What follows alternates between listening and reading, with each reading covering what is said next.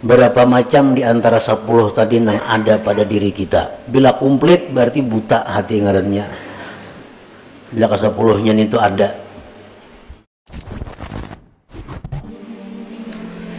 Nah para muhibbin rahimakumullah. Rasulullah sallallahu alaihi wasallam bersabda innal quluba tasda'u kama yasda'ul hadid. Bahwasanya hati itu mau berkarat sebagaimana berkaratnya besi. Wa qala nabi sallallahu alaihi wasallam innal abda idza akhta'a khati'ah nukitat fi qalbihi nuqtatun sauda fa inna za'a wastaghfara saqulat. Ujar nabi kita sesungguhnya hamba itu bila mana berbuat satu dosa satu dosa maka hatinya itu diberi satu titik hitam satu dosa hatinya diberi satu titik hitam. Dua dosa dua titik hitam. Tiga dosa tiga titik hitam. Pak inna za'a wastaghfara jika dia berhenti melakukan dosa dan dia minta ampun kepada Allah sakulat maka hati itu kembali bersinar. Hati itu kembali terang. Hati itu kembali bersih Qala Nabi sallallahu alaihi wasallam likulli syai'in masqalah wa masqalatul qulub zikrullah. Tiap-tiap sesuatu itu ujar Nabi ada alat yang membersihkan. Kayak hampalas itu alat untuk membersihkan. Dan kayak sikat alat membersihkan. Wa masqalatul qulub pembersih pengkilat hati zikrullah adalah zikir kepada Allah fal qalbus sadi la budda minat taubat wa kasrati zikir maka hati yang berkarat hati yang bertagar itu tidak boleh tidak daripada tobat dan memperbanyak zikir kepada Allah subhanahu wa ta'ala. Para muhibbin rahimakumullah barangkali kita belum menyadari karena kita belum tahu tanda-tandanya. Barangkali kita belum sadar apakah kita ini termasuk orang yang hatinya itu dipenuhi dengan gambar-gambar dunia? Atau hatinya itu orang yang hatinya itu diterangi oleh cahaya Islam, iman dan ihsan. Nah, kita periksa hati kita, kita kontrol diri kita. Apakah hati kita ini bercahaya dengan cahaya Islam, iman dan ihsan atau di hati kita ini hanya tampak gambar-gambar duniawi.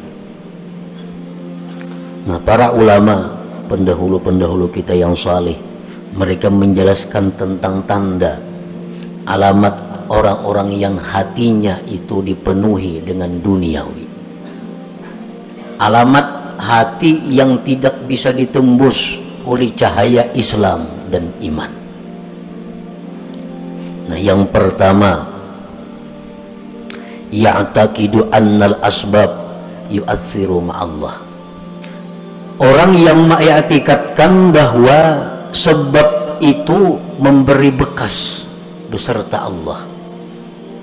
Dalam hatinya nih dalam hatinya nih sebab itu menentukan.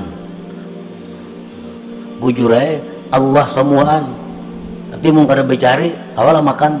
Nah contohnya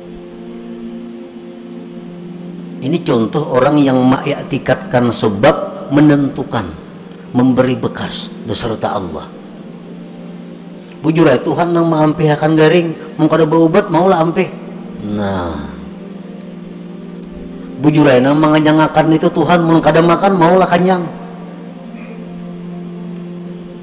Bila hati kita mengetikatkan seperti itu berarti kita ini mengetikatkan sebab itu memberi bekas.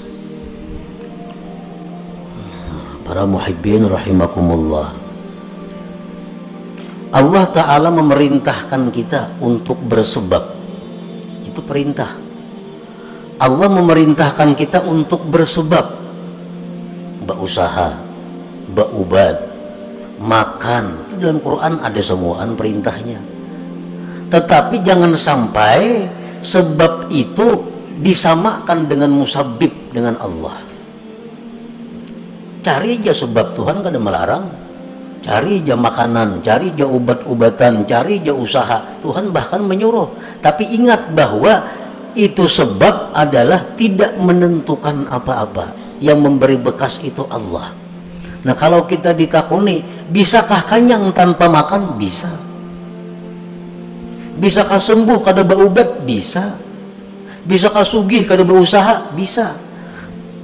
Bila kita mengetikatkan di hati mau kada makan maulah kanjang kada kau kada mau. Nah itu etikat nang salah. Itu menunjukkan bahwa hatinya hatinya gelap hatinya berkarat. Yang kedua tandanya orang yang hati berkarat. La yakhafu bima aw'adahu Allah ta'ala bin nar awil azab awil la'nah. Dia tidak takut pada sesuatu yang diancam oleh Allah dengan neraka atau azab atau laknat dia kada takut. Jadi Tuhan kamu jangan berzina. Zina itu azabnya pedih. Masih aja mau melakukan. Nah ada takutan ujar Tuhan ikam jangan mendekati zina. Ujar Tuhan ikam jangan melakukan riba. Karena bila ikam riba itu ikam bermusuh lawan aku. Tetap ini riba. Maka ada takutan nah ini tandanya. Hati itu sudah masgub di dunia ajilah yang ketiga la yarju fima wa'adahu Allah ta'ala minal jannah awir ridwan. Dia tidak mengharap tidak tergiur dengan janji-janji Allah daripada surga dan keridhaan. Jadi Tuhan ikam laksanakan ini. Balasannya surga bidadari seribu orang. Kada ada beliau liur. Kada ada hendak kada ada meminat kada ada kada menyambut nah hati ini kada menyambut. Berarti hati kita tertutup. Al-Quran mengatakan hadis Rasul mengatakan baca ini nah baca ini surah ini baca tiap malam. Bila jam baca surah itu jam kena mati ke surga dirabutakan bidadari. Ada tak baca-baca? Nah bilakah itu kita? Berarti hati kita ini rusak hati kita rusak. Yang keempat la yantafi'u bil ilim kada kau mengambil manfaat lawan ilmu. Mengaji ya. Turun aja tiap kali pengajian perajinnya lagi. Tapi kelakuan tetap pada berubah-ubah nang riba masih riba. Nang ketujuh bazina masih ketujuh bazina nang ketujuh minum arak masih minum arak nang ketujuh buka aurat masih buka aurat. Pada turun terus ke pengajian perajinnya la yantafi'u bi ilmi kada kau mengambil manfaat dengan ilmu. Berarti hatinya itu kada kau ditembus oleh ilmu. Kenapa? Terdinding. Oleh kecintaannya kepada kepada selain Allah. Yang kelima la yantafi'u bi mukhalatatis salihin kada mengambil manfaat dengan bakawan bergabung lawan orang saleh kawanan ini orang-orang alim kawanan tuan guru. Tapi tetap kelakuan. Bila jawab oleh tuan guru iya sudah. Nah ini bahaya ini orang. Kenapa? Artinya cahaya yang ada pada orang saleh itu kada kau menembus hatinya bakawan orang saleh jam macam itu apalagi bakawan nang kada saleh. Yang keenam tanda orang yang hatinya gelap gulita la yabki bi dzikril maksiatil lati amilaha. Dia tidak menangis mengingat maksiat yang pernah dilakukannya. Nah, dahulu suah berbuat maksiat ini suah berbuat maksiat itu suah berbuat maksiat ini keingatan kada apa-apa kada ada pina menyesali apalagi menangis padahal zikrul maksiat mengingat maksiat itu merupakan sesuatu sebab yang paling yang paling segera membuat menangis bagi orang yang hatinya terang, hatinya lembut. Yang ketujuh, bi mughalabati sunnati wa khalqil muru'ah. Tidak merasa malu berbuat sesuatu yang bertentangan dengan sunnah dan merusak kehormatannya. Kada merasa malu. Sekampungan orang turunan menuntut ilmu kalanggar nya kada gana di rumah kada dia supan berarti hati orang ini sudah kada kawa ditembus lagi dengan cahaya iman. Yang kedelapan la yakhsaru bitarkit ta'ah. Tidak merasa rugi meninggalkan taat. Kada merasa rugi. Ada orang taat berbuat ibadah inya kadang gawe kada daerah serugi nah kalau orang-orang beriman macam sahabat nabi para tabiin generasi-generasi pendahulu kita kalau orang tuh kada sampat misalnya sembahyang berjamaah karena ada masalah apakah kelalaiannya kada sampat tuntung ke masjid orang sudah bubar berjamaah mati-matiannya menangis menyasar rugi karena kada sampat berbuat taat ini. Nah itu tanda orang hati yang terang. Kehilangan kesempatan berbuat taat itu kerugian yang besar bila kita kada merasa rugi nah itu ada masalah. Hati kita ini ada ada kegelapannya. Yang kesembilan la yajidu halawatat taat. Dia kada merasakan manisnya taat. Kata ibadah kada ada senyamannya. Ibadah itu kada ada nikmatnya. Orang nang gelap hati itu jelas sudah ibadahnya kali nyaman ngapa aja nak lakas tuntung. Membaca yasin nak lakas tuntung. Membaca Quran apa nak lakas tuntung. Empat pengajian nak lakas tuntung. Nyaman. La yajidu halawat ta'ah. Dia kadang menemui manisnya taat. Padahal taat itu mestinya manis mestinya nikmat bagi orang yang hatinya terang. Yang ke sepuluh la yahtammu bima asabal muslimin minal bala wal mihan. Dia tidak prihatin terhadap bala musibah yang menimpa kaum muslimin. Orang karena musibahnya biasa-biasa cuek.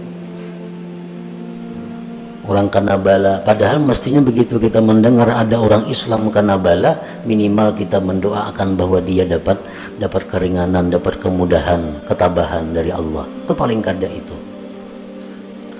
Nah para muhibbin rahimakumullah Berapa macam di antara 10 tadi yang ada pada diri kita? Bila komplit berarti buta hati ngarannya. Bila ke 10 nya itu ada.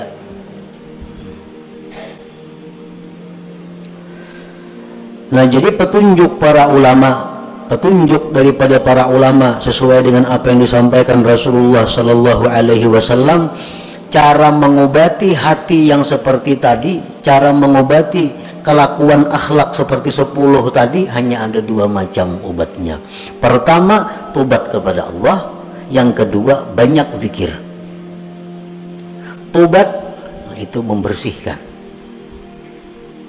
Membersih tobat. Mahimbalas itu tobat.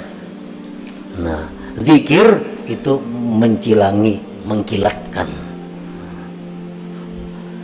apa tadi ujar Nabi likulli syai'in masqalah wa masqalatul qulub zikrullah. Tiap-tiap sesuatu itu ada pengkilatnya ada berasuknya. Wa masqalatul qulub pengkilat hati zikrullah. Itu obatnya jadi bila 10 perkara itu ada pada diri kita kita hendak selamat kita hendak baik tobat kepada Allah banyak zikir maka dengan demikian hati yang tadinya berkarat hati tadinya yang gelap akan menjadi terang dan mengkilat. Harus orang wali yang minta Tuhan ada peduli. Orang-orang jahat pun kalau minta Allah beri. Siapa ada makhluk yang lebih jahat daripada iblis? Iblis itu paling jahat makhluk Allah. Begitu dia terkutuk iblis minta lawan Tuhan Qala qala anzirni ila yaumi yub'atsun. Jar iblis, ya Allah, panjangkan umur ulun sampai hari kiamat nyermati. Ini permintaan iblis. Ya Allah, panjangkan umur ulun sampai hari kiamat. Nah, para muhibbin rahimakumullah. La tatawajjah li tahsili hawaijika dunya au ukhra zahiran au batina illa minal karim. Jangan kamu berhadap Jangan kamu mendatangi untuk menghasilkan hajat-hajat engkau baik itu dunia, akhirat, baik yang zahir atau yang batin kecuali dari orang yang maha pemurah. Kecuali dari orang yang pemurah. Artinya kalau kita nih hendak melaporkan suatu hajat, hendak meminta sesuatu, jangan minta kecuali kepada orang yang pemurah Jangan minta kecuali kepada orang yang pemurah. Orang bakhil sudah nyata kadang mengabulkan. Dalam urusan apa pun, kalau kita hendak minta kepada seseorang, mintalah kepada yang pemurah. Wa innamal karim huwallahu ta'ala. Hanya saja yang sebenar-benar pemurah itu adalah Allah subhanahu wa ta'ala. Artinya janganlah kita hendak minta sesuatu janganlah hendak kita melaporkan sesuatu kecuali kepada yang maha pemurah yaitu Allah subhanahu wa ta'ala. Allah subhanahu wa ta'ala itu di antara sekian banyak asmanya Al-Karim. Al-Karim itu kalau bahasa kita singkatnya pemurah. Padahal lebih daripada itu. Alladzi idza suila a'ta. Al-karim itu apabila diminta dia memberi bila mana diminta dia memberi kenapa kita disuruh minta disuruh melapor disuruh berdoa lawan Al-Karim. Karena Al-Karim ini bila diminta dia memberi. Bila diminta dia memberi. Kita hendak berdoa. Ini kita ada masalah umpamanya. Kita ada masalah. Baik masalah dunia atau masalah apa. Kalau kita hendak berdoa, hendak berdoa, itu sudah diberi satu pahala. Nah, hanya hendak Nah ini Al-Karim nih. Hendak berdoa sudah diberi pahala satu. Berdoa kita. Nah berdoa kita. Diberi pahala pulang sepuluh. Diberi pahala pulang sepuluh. Nah, kemudian Allah akan memberikan apa yang kita perlukan. Allah akan memberikan apa yang kita perlukan. Kita berdoa, berdoa, berdoa. Allah akan memberikan apa yang kita perlukan. Bukan Allah memberi apa yang kita inginkan. Allah akan memberi dengan al namanya Al-Karim ini dengan memberi apa yang kita perlukan.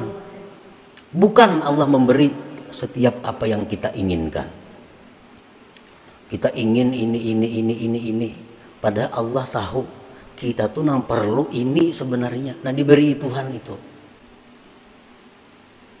kita minta itu minta ini lawan Tuhan keinginan kita nih Allah tahu bahwa nang kita ingin itu kita kada perlu sebenarnya nang perlu tuh yang macam ini nah itu yang diberikan Tuhan kepada kita Nah, ida suila a'ta bila mana diminta dia memberi. Walayubali kam a'ta tidak peduli Allah tuh memberi berapa. Tuhan maha kaya. Al-Karim ini maha kaya. Al-Karim ini orangnya maha segala-galanya. Jadi kalau memberi itu kada peduli kada peduli. Wala yubali kam a'ta kita mengira bahwa kita ini perlu satu juta kita mengira kita menghitung bahwa kita ini perlu satu juta padahal Allah lebih tahu kita ini perlu sebenarnya 10 juta kita minta sejuta Allah bisa memberi 10 karena Allah yang maha tahu sebenarnya kita ini perlu 10 juta. Dan itu Allah kada peduli. Wala yubali kam a'ta dan Allah taala yang al-karim tadi tidak peduli berapa banyak yang dia beri. Nah para muhibbin rahimakumullah. Kita masuk ke pasar kan ini hadis nabi nih. Masuk ke pasar atau menjak ada pasar toko. Lalu kita membaca cuma sekali aja membaca. La ilaha illallah wahdahu la syarikalah lahul mulku wa hamdu yuhyi wa yumiitu wa huwa hayyun la yamut. Biyadihil khair wa huwa ala kulli syai'in qadir. Sekali kita baca begitu masuk toko Allah memberi kita satu juta kebajikan. Nah, satu juta kebajikan sekali kita baca diberi Tuhan sejuta biji kebaikan nah, jakanya babanda itu kayak apakah satu juta kebajikan. Nah ini Allah ini la yubali kam. Allah kada peduli berapa dia beri. Dalam hadis yang lain disebutkan orang yang membaca la ilaha illallah wahdahu la syarikalah ilahan wahidan samada lam yalid walam yulad walam yakul lahu kufuwan ahad. 11 kali. Diberi Allah kebaikan sebanyak 2 juta kali. Wa in zada zadallah. Amunnya lebih ditambah Tuhan lagi. 11 kali membaca nang tadi. Allah beri 2 juta kebajikan. La ilaha illallah wahdahu la syarikalah ilahan wahidan samadan. Lam yalid walam yulad walam yakul lahu kufuwan ahad. Ujungnya nyaman aja nih tuh apa nih? Jadi mau dibaca misal imbah subuh 11 imbah asar 11 imbah zuhur 11 maghrib 11 11 lima kali 11 lima kali 2 juta. Dan ini akan bermanfaat akan kita rasakan sesudah wafat sesudah mati. Nah di mana kita di akhirat? Kalau dihisap oleh Allah kita harus membayar kebajikan kepada orang-orang yang pernah kita aniaya. Nah, ini ada tabungan. Sana bayari 100 kebajikan. 100 beriakan sana. Kita pernah itu menggibahinya. Itu harus dibayar dengan sejuta kebaikan. Bari sejuta kebaikan ya, tiap hari mengamalkan itu apa banyak bisian nah, ini Allah Al-Karim kada peduli. Kalau kita memikirkan itu satu matnya bacaannya. Satu matnya dua juta diberi. Ini lebih besar daripada dua juta rupiah. Dua juta hasanah dua juta kebaikan. Nah itu bagian daripada Al-Karim makanya tadi ujar Imam Ahmad Ibnu Atta'illah amun hendak minta minta lawan Al-Karim ini amun hendak belapor lapor ke situ karena ini orang Al-Karim ini Nah, bila diminta inya memberi, bila memberi kada peduli. Nah, banyaknya. Jadi amalan itu amalan dari hadis Rasulullah Shallallahu Alaihi Wasallam yang tadi yang masuk ke toko baca sekali sejuta. Nah, beluman lagi dapat duit sejuta sudah Allah memberi. Beluman lagi dapat duit membuka toko La ilaha illallah wahdahu la syarika lahu mulku lahul hamdu yuhyi wa yumiit wa huwa hayyun la yamut bi yadihil khair wa huwa ala kulli syai'in qadir. Sekali aja sejuta diberi Tuhan. Yang tadi maginya lagi 2 juta. Wala liman a'ta dan Allah itu kada peduli bagi siapa dia memberi. Kalau harus taat kepada Allah kada peduli harus orang wali yang minta. Tuhan ada peduli. Orang-orang jahat pun kalau minta Allah beri. Siapa ada makhluk yang lebih jahat daripada iblis? Iblis itu paling jahat makhluk Allah. Begitu dia terkutuk iblis minta lawan Tuhan. Qala anzirni ila yaumi yub'atsun Ujar iblis, ya Allah, panjangkan umur ulun sampai hari kiamat mati. Ini permintaan iblis. Ya Allah, panjangkan umur ulun sampai hari kiamat. Apa jawaban Tuhan? Inna minal munzarin. Ikam gitu ku panjangkan umur sampai hari kiamat itu. Nah ini iblis minta lawan Tuhan, dikabulkan Tuhan. Wala liman Tuhan tuh kada peduli siapa siapa karena minta apalagi orang beriman orang penyembah yang penuntut ilmu kalau ada masalah yang dihadapi ada hajat yang perlu lawan Allah berurusan itu paling nyaman. Wa idza rufi'at hajatun ila ghairihi la yarda. Apabila kita ini melaporkan hajat kita kepada orang lain Allah tuh la yarda kada suka. Wa dan marah. Kita ini ada masalah ada masalah lapor sudah lawan manusia lawan makhluk Allah. Tuhan kada ketuju Tuhan kada ridha Summa akmala hadhihi hikmata bil hikmati tasiha wa thalathin kemudian pengarang menyempurnakan ini hikmah dengan hikmah yang ke-39 faqala la tarfa'anna ila ghairihi hajatan huwa muriduhu muriduha alaika. Fakaifa yarfa'u ghairuhu maka huwa lahu wadi'a janganlah kamu menghadap kepada selain Allah.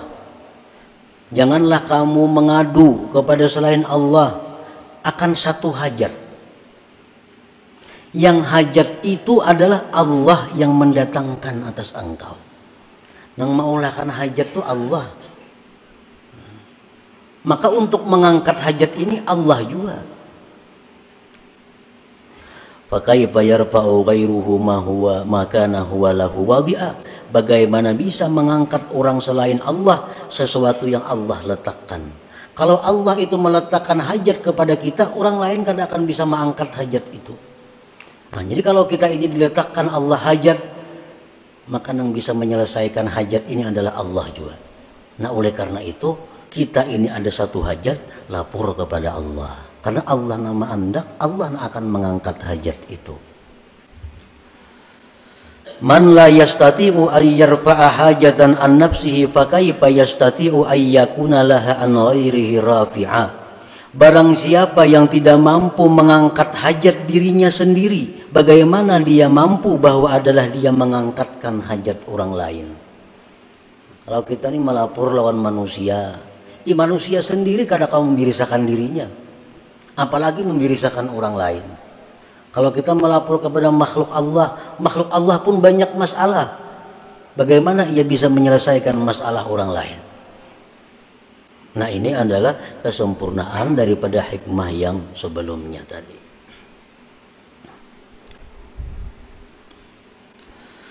وإذا توجهت إلى الله الكريم حق التوجه أجابك وأعطى ما سألك Apabila engkau berhadap kepada Allah yang maha pemurah itu benar-benar sungguh-sungguh berhadap Allah akan mengijabah engkau dan akan memberi apa yang kamu minta. Allah akan memberi apa yang kita minta asal kita bujur-bujur. Nah bujur-bujur tawajuh bujur-bujur berhadap lawan Allah Wa idza tawajjahta ila Allahil Karim haqqa tawajjuh ajabaka wa a'ta ma sa'alak imma bisababin ma'lum atau bighairi ma'lum.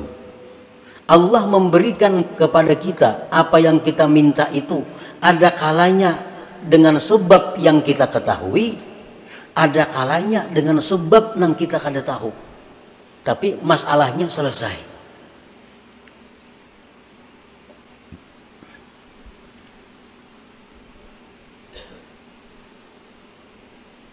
Allah mengabulkan doa kita, memberi apa yang kita minta itu bisa langsung kada bersebab. Gugur di langit bapaknya kadut ke pesahapan kita. Itu sah aja dan bisa aja. Ini sebabnya kada maklum. Tapi bisa dengan sebab nang maklum. Bisa dengan sebab nang maklum.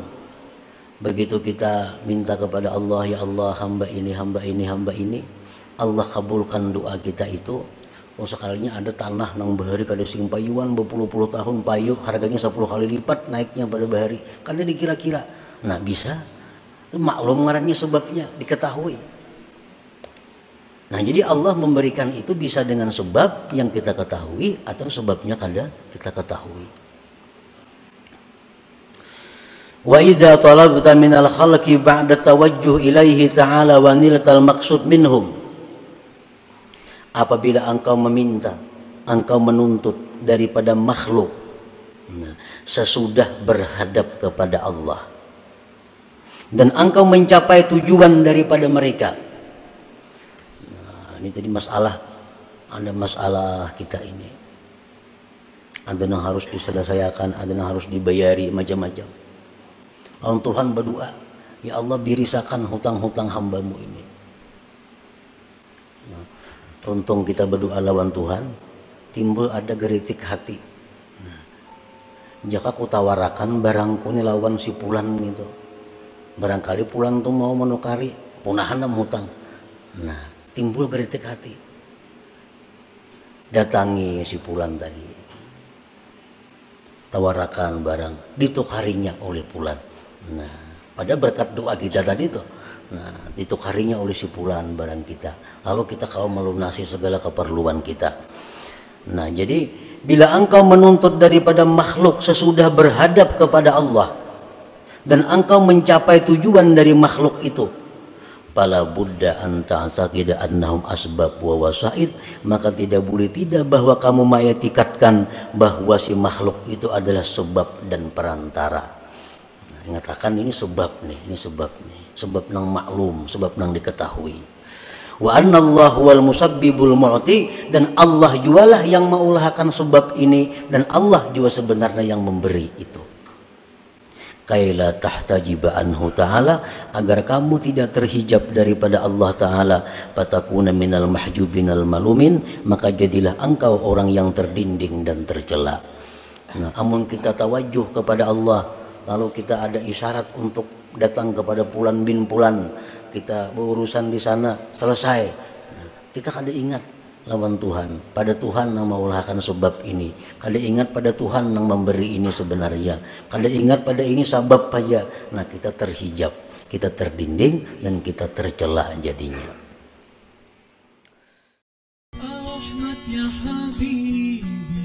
Jangan lupa tonton, subscribe, like, and share.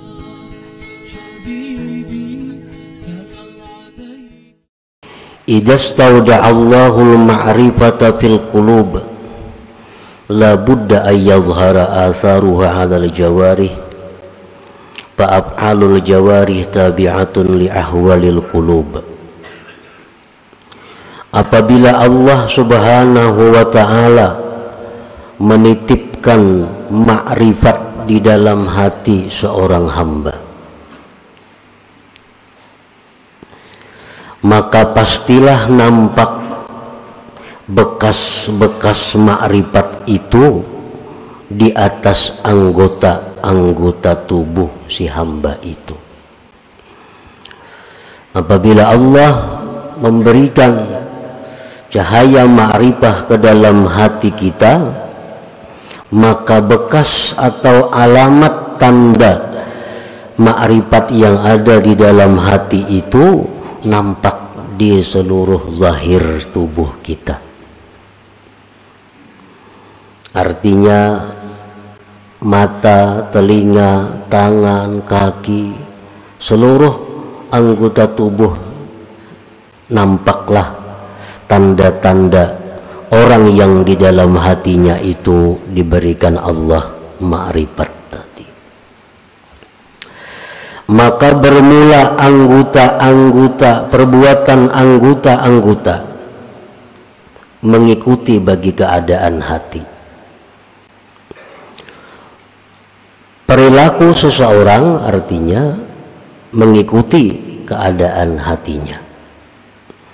Nah apabila hati seseorang itu ma'rifat billah maka anggotanya pun mencerminkan sikap orang yang ma'rifat billah. Apabila di dalam hatinya itu ada al-jahlu billah jahil dengan Allah maka gerak-geriknya tingkah laku tutur katanya pun tidak jauh daripada orang yang jahil dengan Allah. Pamanidda al ma'rifata walam tazhar atharuha al jawarih bahwa kadzibun bid'awaha maka barang siapa yang mengaku ma'rifat atau merasa ma'rifat tetapi tidak nampak tanda-tandanya bekas-bekasnya di anggota-anggota tubuhnya maka berarti dia itu dusta dalam pengakuannya. Mengaku itu baik artinya aku ma'rifat mengaku atau merasa rasa ma'rifat tetapi pada zahirnya tingkah lakunya tidak didapat bekas-bekas ma'rifat maka berarti dia tidak benar dalam pengakuannya atau perasaannya itu. Kalau Allah Ta'ala Allah berfirman ta'rifuhum bisimahum kamu kenal kepada mereka itu dengan tanda-tanda yang ada pada mereka. Orang yang di dalam hatinya jahil dengan Allah tampak kelihatan di seluruh anggota tubuhnya. Begitu pula orang yang ma'rifat dengan Allah tampak tandanya di dalam zahir anggota tubuhnya. Imam Ahmad Ibnu Atta'illah menulis hikmah ini adalah untuk memberitahu kepada kita bagaimana kita memilih kawan, memilih guru, memilih orang-orang yang kita akan kerjasama dengannya. Apakah orang yang itu termasuk orang yang jahil dengan Allah atau orang yang ma'rifat dengan Allah.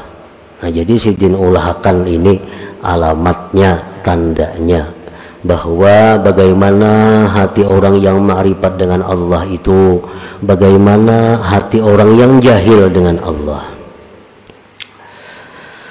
Pamin azaril ma'rifatil lati yustadallu biha setengah daripada bekas ma'rifat tanda artinya tanda ma'rifat yang bisa dijadikan dalil dengan ma'rifat itu kepada seseorang. Isarul akhirah alat dunia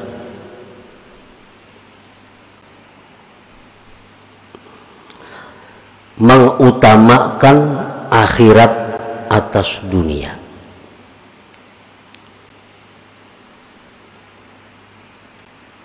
Artinya bukan membuang dunia, bukan kada menghiraukan dunia, tetapi orang yang ma'rifat itu mau bisa berurusan dunia, tetapinya mereka itu tetap mengutamakan akhirat. Para wali banyak yang berdagang. Para wali banyak yang bertani. Kita baca sejarah-sejarah para wali wali dahulu tuh. Para wali ada yang jadi pegawai. Tetapi mereka tetap mengutamakan akhirat daripada dunia. Nah itu salah satu tanda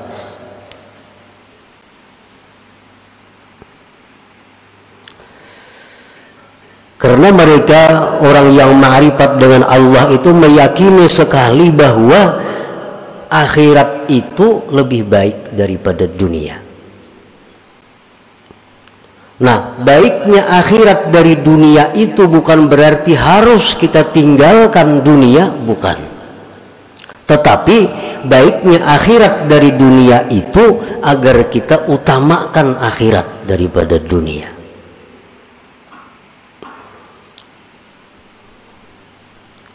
Jadi orang-orang yang makrifat dengan Allah itu apa pun status pekerjaannya intinya mereka selalu mendahulukan kepentingan akhiratnya dibanding dunia.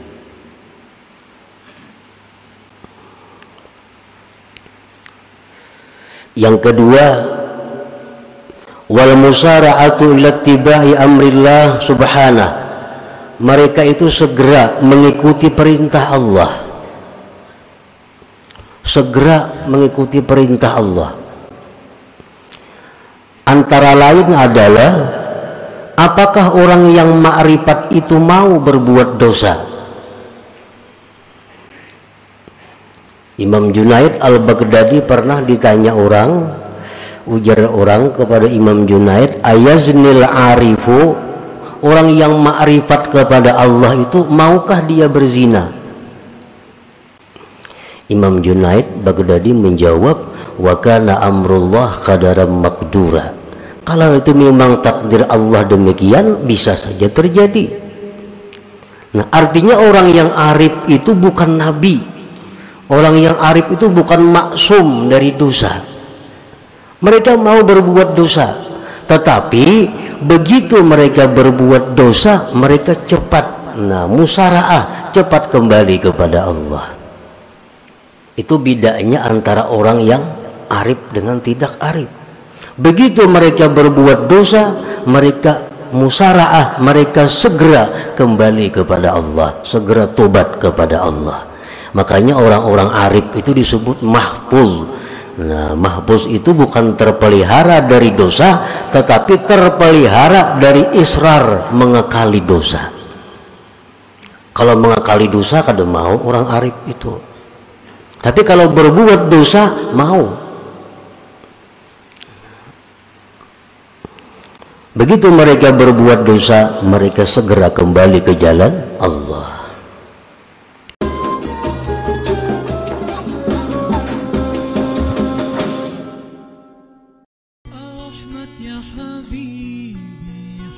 Lupa tonton, subscribe, like, and share.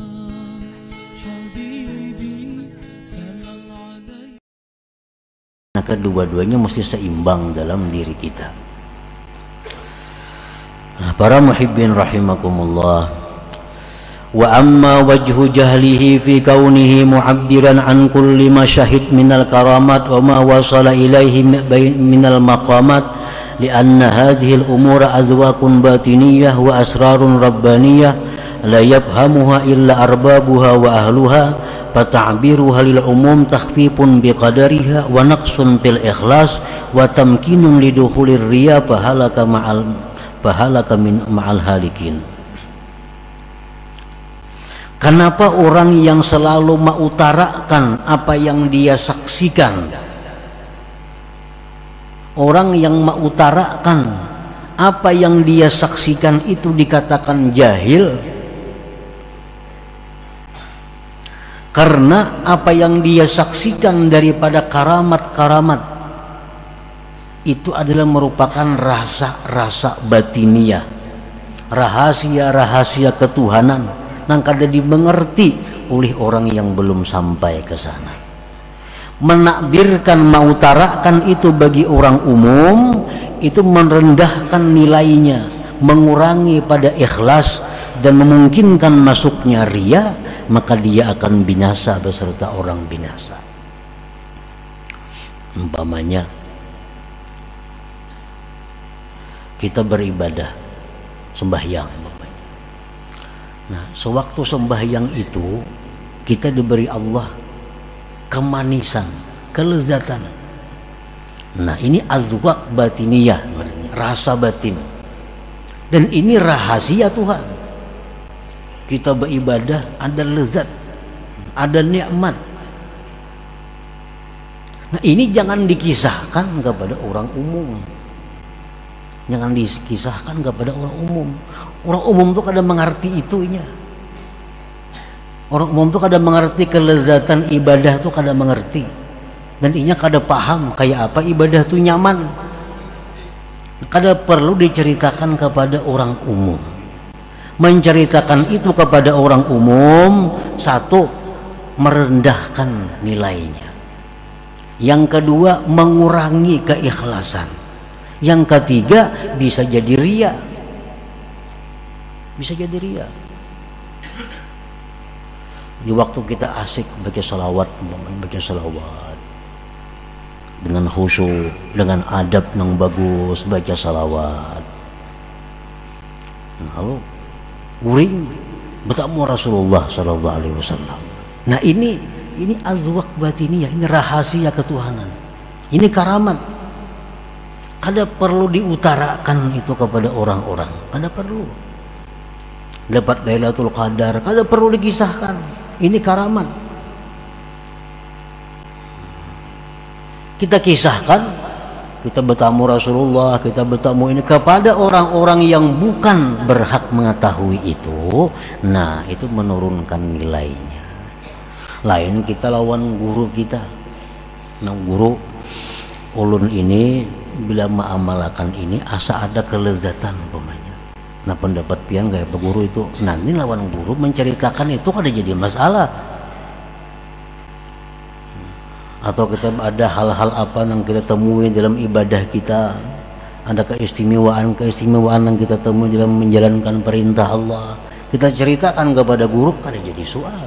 Tapi kalau kita ceritakan kepada umum nah ini yang bahaya. Ini yang menunjukkan kebuduhannya kebuduhannya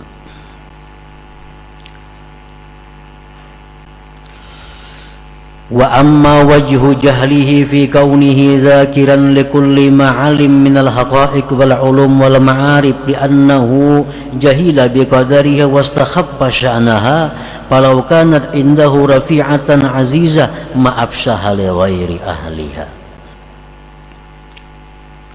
Adapun orang yang selalu menyebutkan tiap-tiap ilmu yang diberikan Allah kepadanya disebut jahil, bodoh ini dapat ilmu kisahkan. Dapat ilmu kisahkan. Dapat ilmu kisahkan. Ini orang bodoh. Kenapa bodohnya?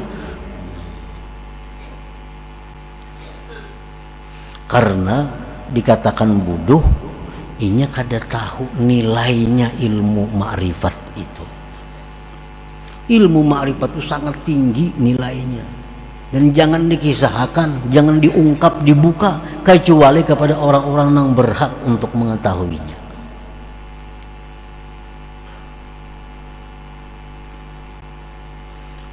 orang umpamanya contohnya berjual permata.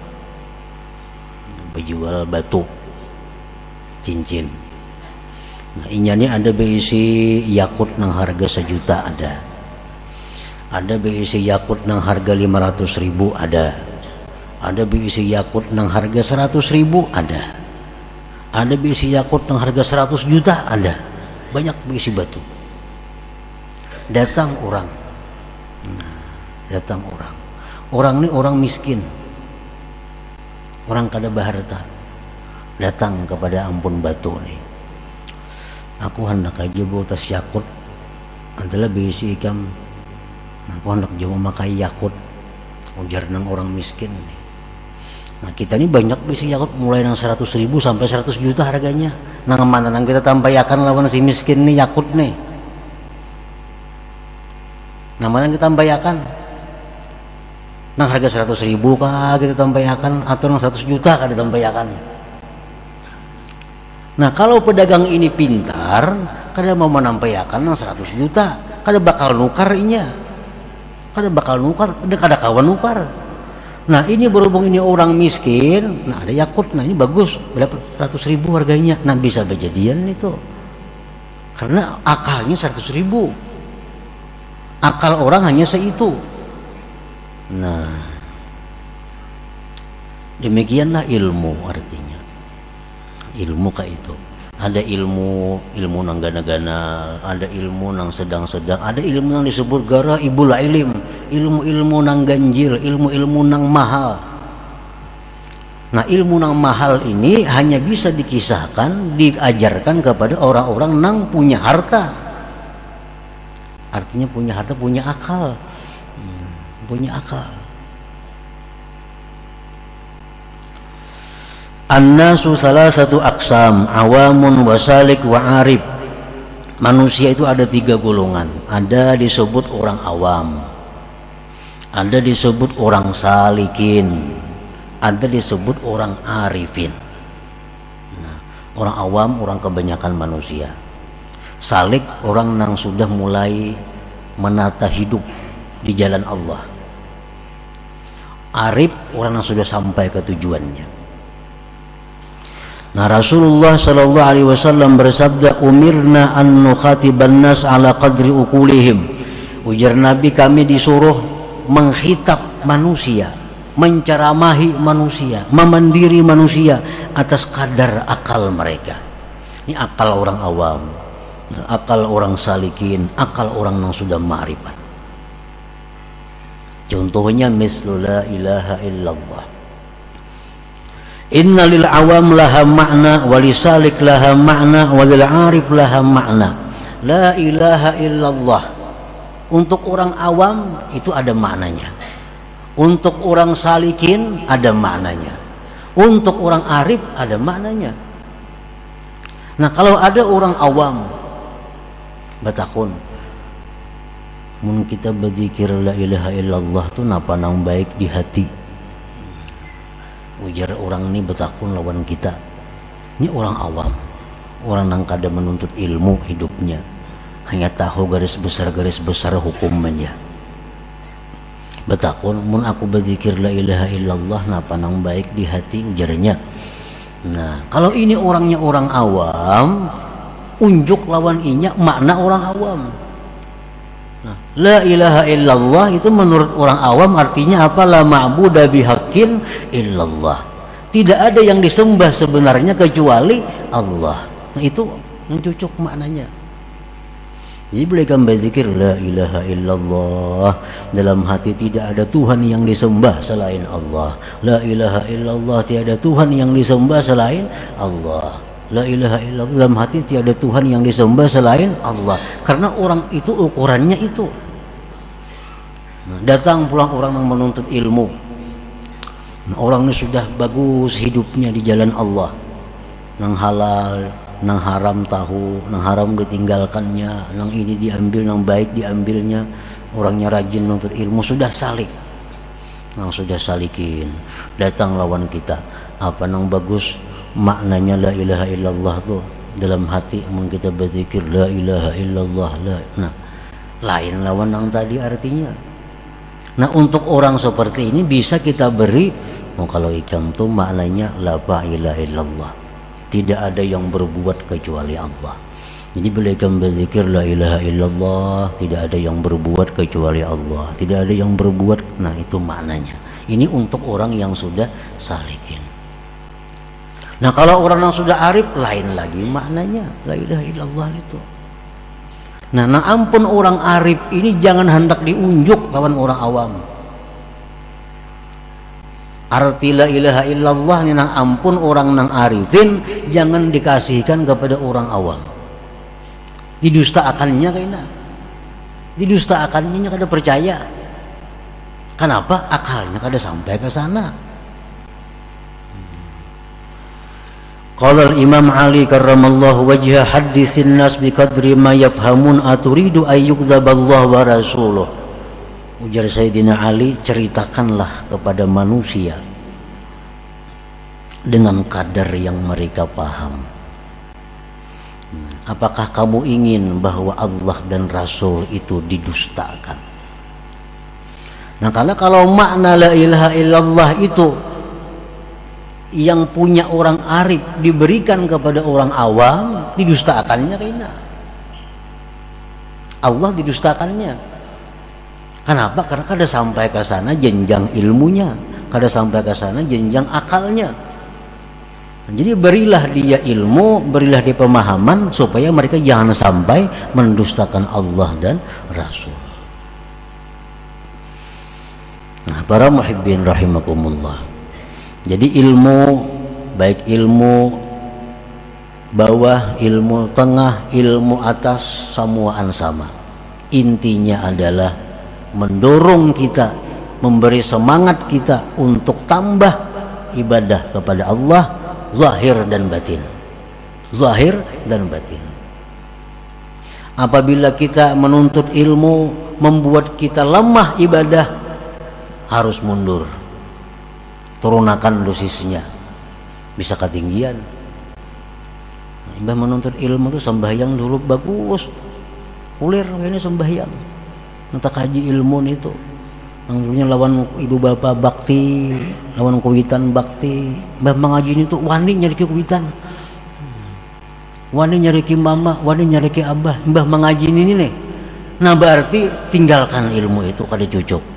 Karena ilmu seseorang makin tinggi, makin hormat kepada kedua orang tuanya, makin cinta, makin bakti kepada kedua orang tuanya. Kada ada ilmu yang mengajarkan merendahkan orang tua, kada ada. Kalau ada, salah. Baik nang mengajar atau nang menerima nang salah. Nah, jadi menuntut ilmu di tempat manakah manakah? Guru siapakah guru siapakah? Bila intinya menambah gairah ibadah menambah banyak ibadah zahir dan batin maka ilmu itulah bermanfaat untuk untuk dirinya